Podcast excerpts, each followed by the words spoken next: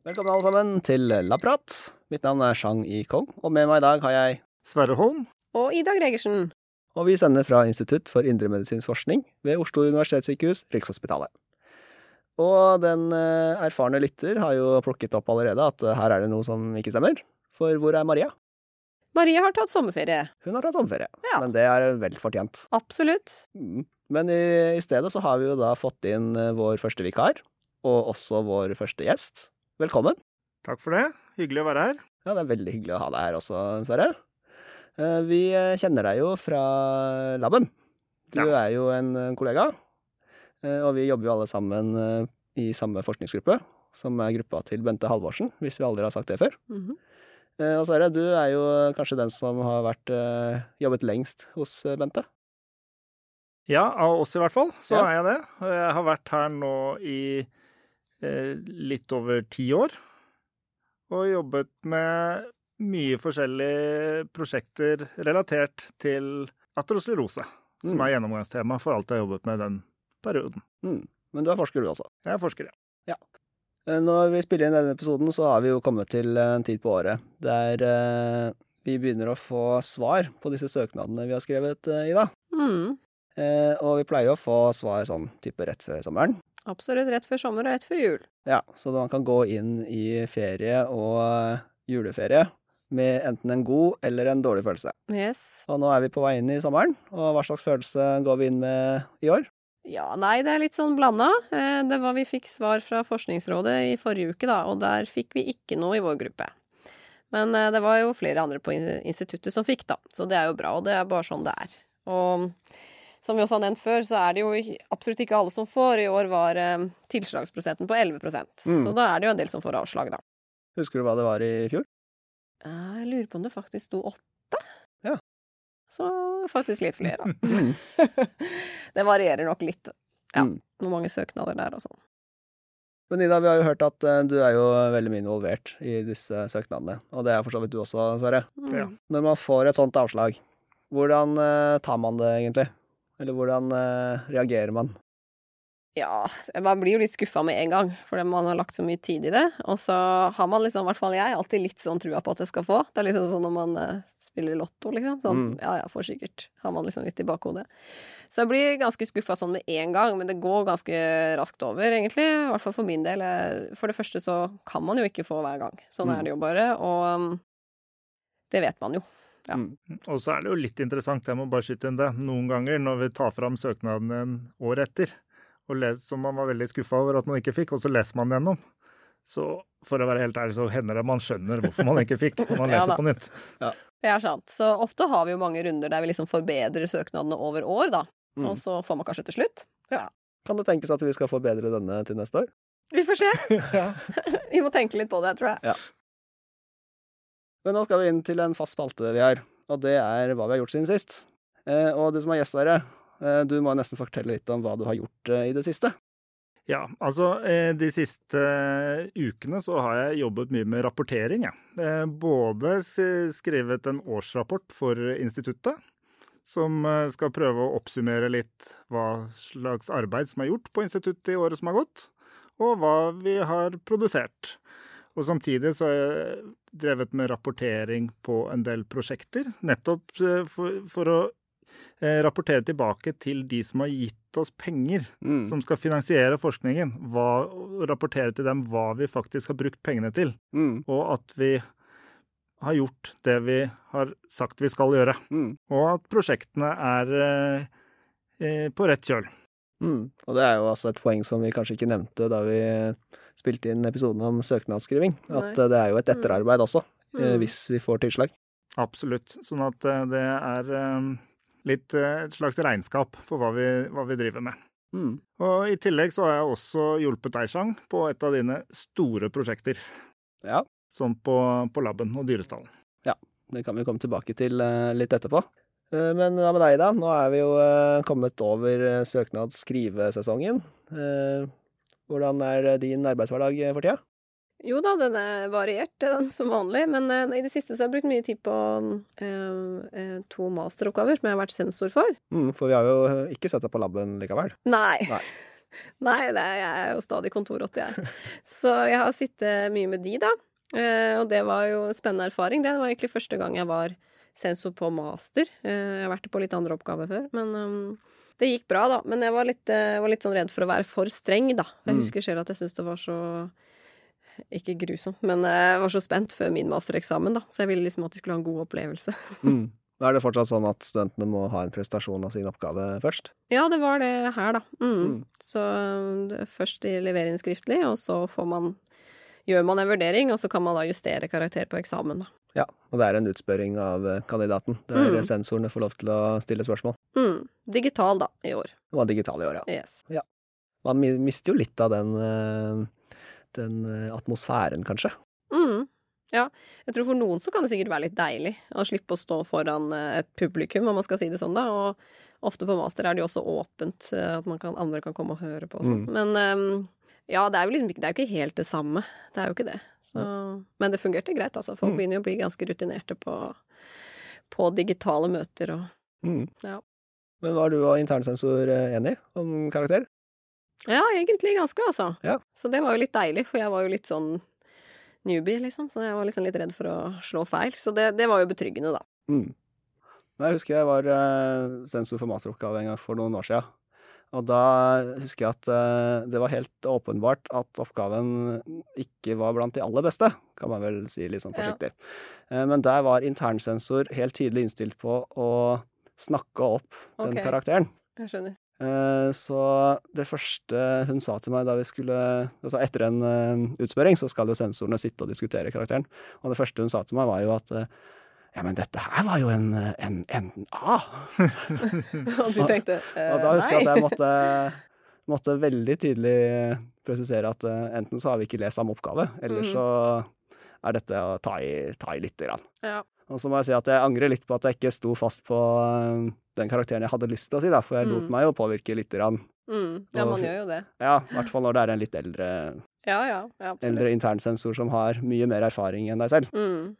Men det er noe jeg angrer på nå, men jeg tror kandidaten ble ganske fornøyd. da. Ja da, ja. Ja. Nei, man skal jo balansere hverandre, men, eh, og vi var heldigvis ganske på nettet, vi da.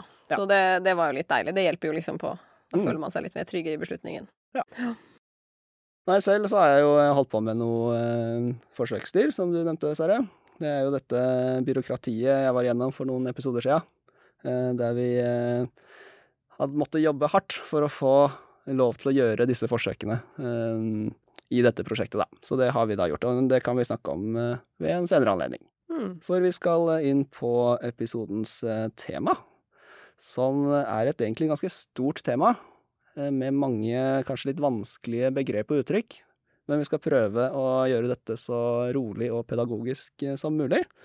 For vi skal snakke om DNA-reparasjon. Mm. Stemmer. Eh, og vi kan jo starte litt sånn mykt med å fortelle litt om hva DNA faktisk er.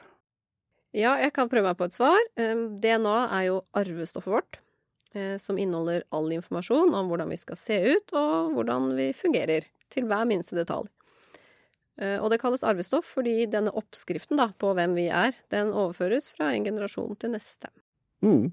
Og så må jeg bare få skyte inn at eh, det å forklare hvordan eh, DNA ser ut, er jo et klassisk eksamensspørsmål. Og vi har jo snakket om eksamen tidligere. Mhm. Så siden vi har fått en så rutinert gjest i dag, eh, Sverre, kan du gi oss et fasitsvar på hvordan DNA-molekylet ser ut? Jeg kan gi et forsøk, i hvert fall. Ja. Um, først og fremst så er DNA er et veldig stort molekyl. Og kort fortalt så er det bygget opp av eh, fire forskjellige baser i forskjellig rekkefølge, eh, sammen med sukker og fosfatgruppe. Og eh, DNA-molekylet ser ut som en sånn vindeltrapp, der trappetrinnene er satt sammen av de fire ulike basene. Rekkefølgen på disse er liksom oppskriften på hvem vi er. Eh, Rekkverket i denne trappa, det er sukker- og fosfatmolekyler. Og denne trappa da, er kveilet og pakket tett sammen i cellene. Og selv om DNA-et vårt er veldig tett eh, pakket og godt beskyttet inni cellene for at arvestoffet ikke skal komme til skade, så skjer det likevel skade på DNA-et vårt hele tiden. Så Derfor er vi avhengig av et raskt og effektivt DNA-reparasjonssystem, som jo er dagens tema. Mm. En veldig fin uh, forklaring, Sverre. Og som du også sier, så er jo DNA-et vårt utsatt for skade hele tiden.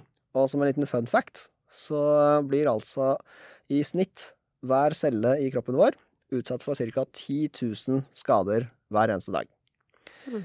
Og uh, vet dere hvor mange celler uh, kroppene våre er bygd opp av? Nei. Nei, det er veldig mange. Og jeg fant uh, et lite estimat. Der de har brukt da et referansemenneske, og det er litt morsomt. For et referansemenneske i denne sammenheng er en person på mellom 20 og 30 år, er 1,70 høy og veier 70 kilo. Så hvis du tikker av alle boksene, så er du da et referansemenneske. Eh, og et referansemenneske har ca. 30 billioner celler, og 1 billion er da 1000 milliarder. Så hvis man ganger da opp 30 billioner med 10 000 skader per celle per dag, så får vi da et vanvittig stort tall. Og det er altså et helt utenkelig antall DNA-skader som oppstår i kroppene våre hver eneste dag. Mm. Men eh, likevel så ser det ikke ut til at vi tar så veldig stor skade av dette her. Hvorfor eh, ikke? Nei, altså det er jo helt, helt vanvittig at eh, så godt som alle disse skadene blir jo reparert ganske umiddelbart. Um, men likevel så noen skader forblir. Men det er ikke nødvendigvis alltid negativt heller med, med DNA-skader. For det jo, er jo det som har vært med å drive hele evolusjonen, altså utviklingen av alt eh, levende i naturen til dit vi er i dag. Sånn at når det forekommer en DNA-skade, sånn at det introduseres en mutasjon i DNA, så kan det gi et fortrinn som gjør at uh, utviklingen drives fremover. Mm. Bare et lite tilbakeblikk til forsøksdyrepisoden vi snakket om uh, sist gang. Så er det jo sånn at hvis det dukker opp en egenskap som en følge av en mutasjon som vi syns er litt ålreit, f.eks. i et husdyr, så kan jo vi begynne å avle videre da, på dette individet. Og dermed så fører vi da denne eh, egenskapen videre.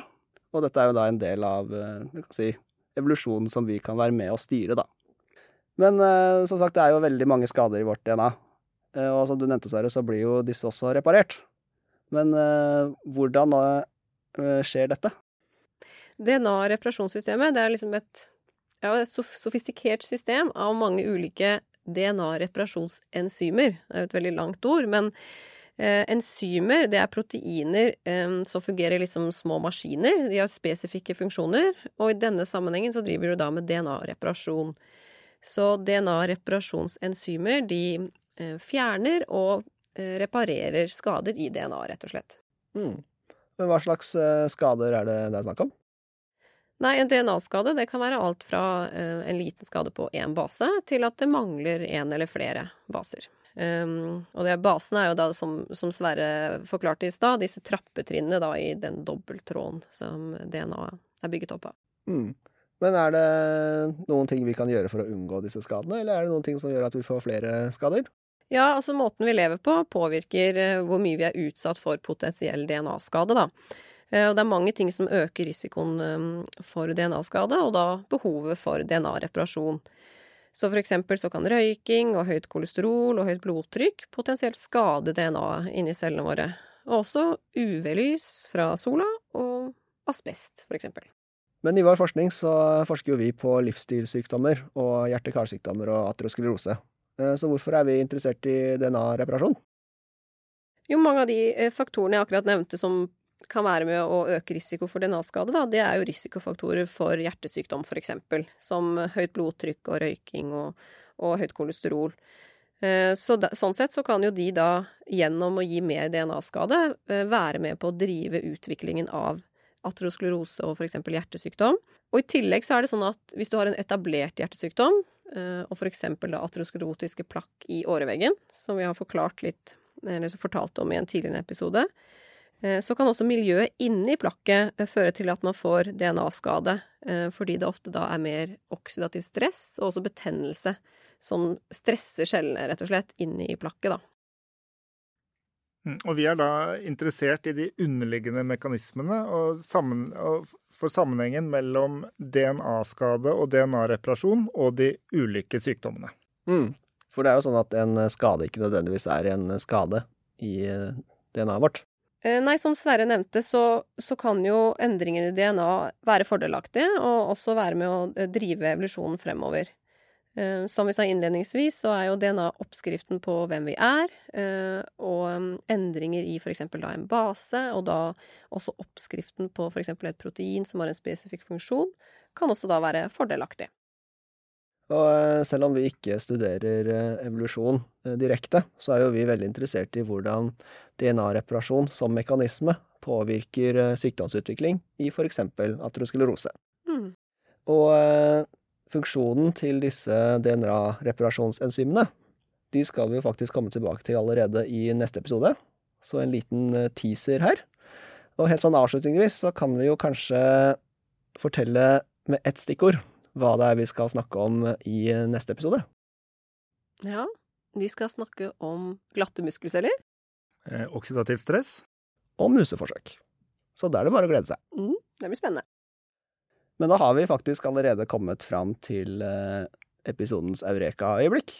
Og siden Maria ikke er her i dag, så har jeg funnet fram et lite eureka til oss. Er dere klare for det, eller? Veldig. Jeg er spent. Er det NO? Nei, det er ikke NO. Men jeg skal eh, få Maria til å ta NO snart. Det lover jeg. Ja, for jeg tenkte at siden vi i dag har snakket om DNA og nukleotider, så var det greit å ta opp en tråd som vi slang ut allerede i første episode. For der lovet vi at vi skulle snakke om kaffe og koffein. Og vi er jo alle glade i kaffe. Så jeg tenkte jeg skulle starte med da å fortelle en litt sånn mytisk historie om kaffens opprinnelse. Hmm.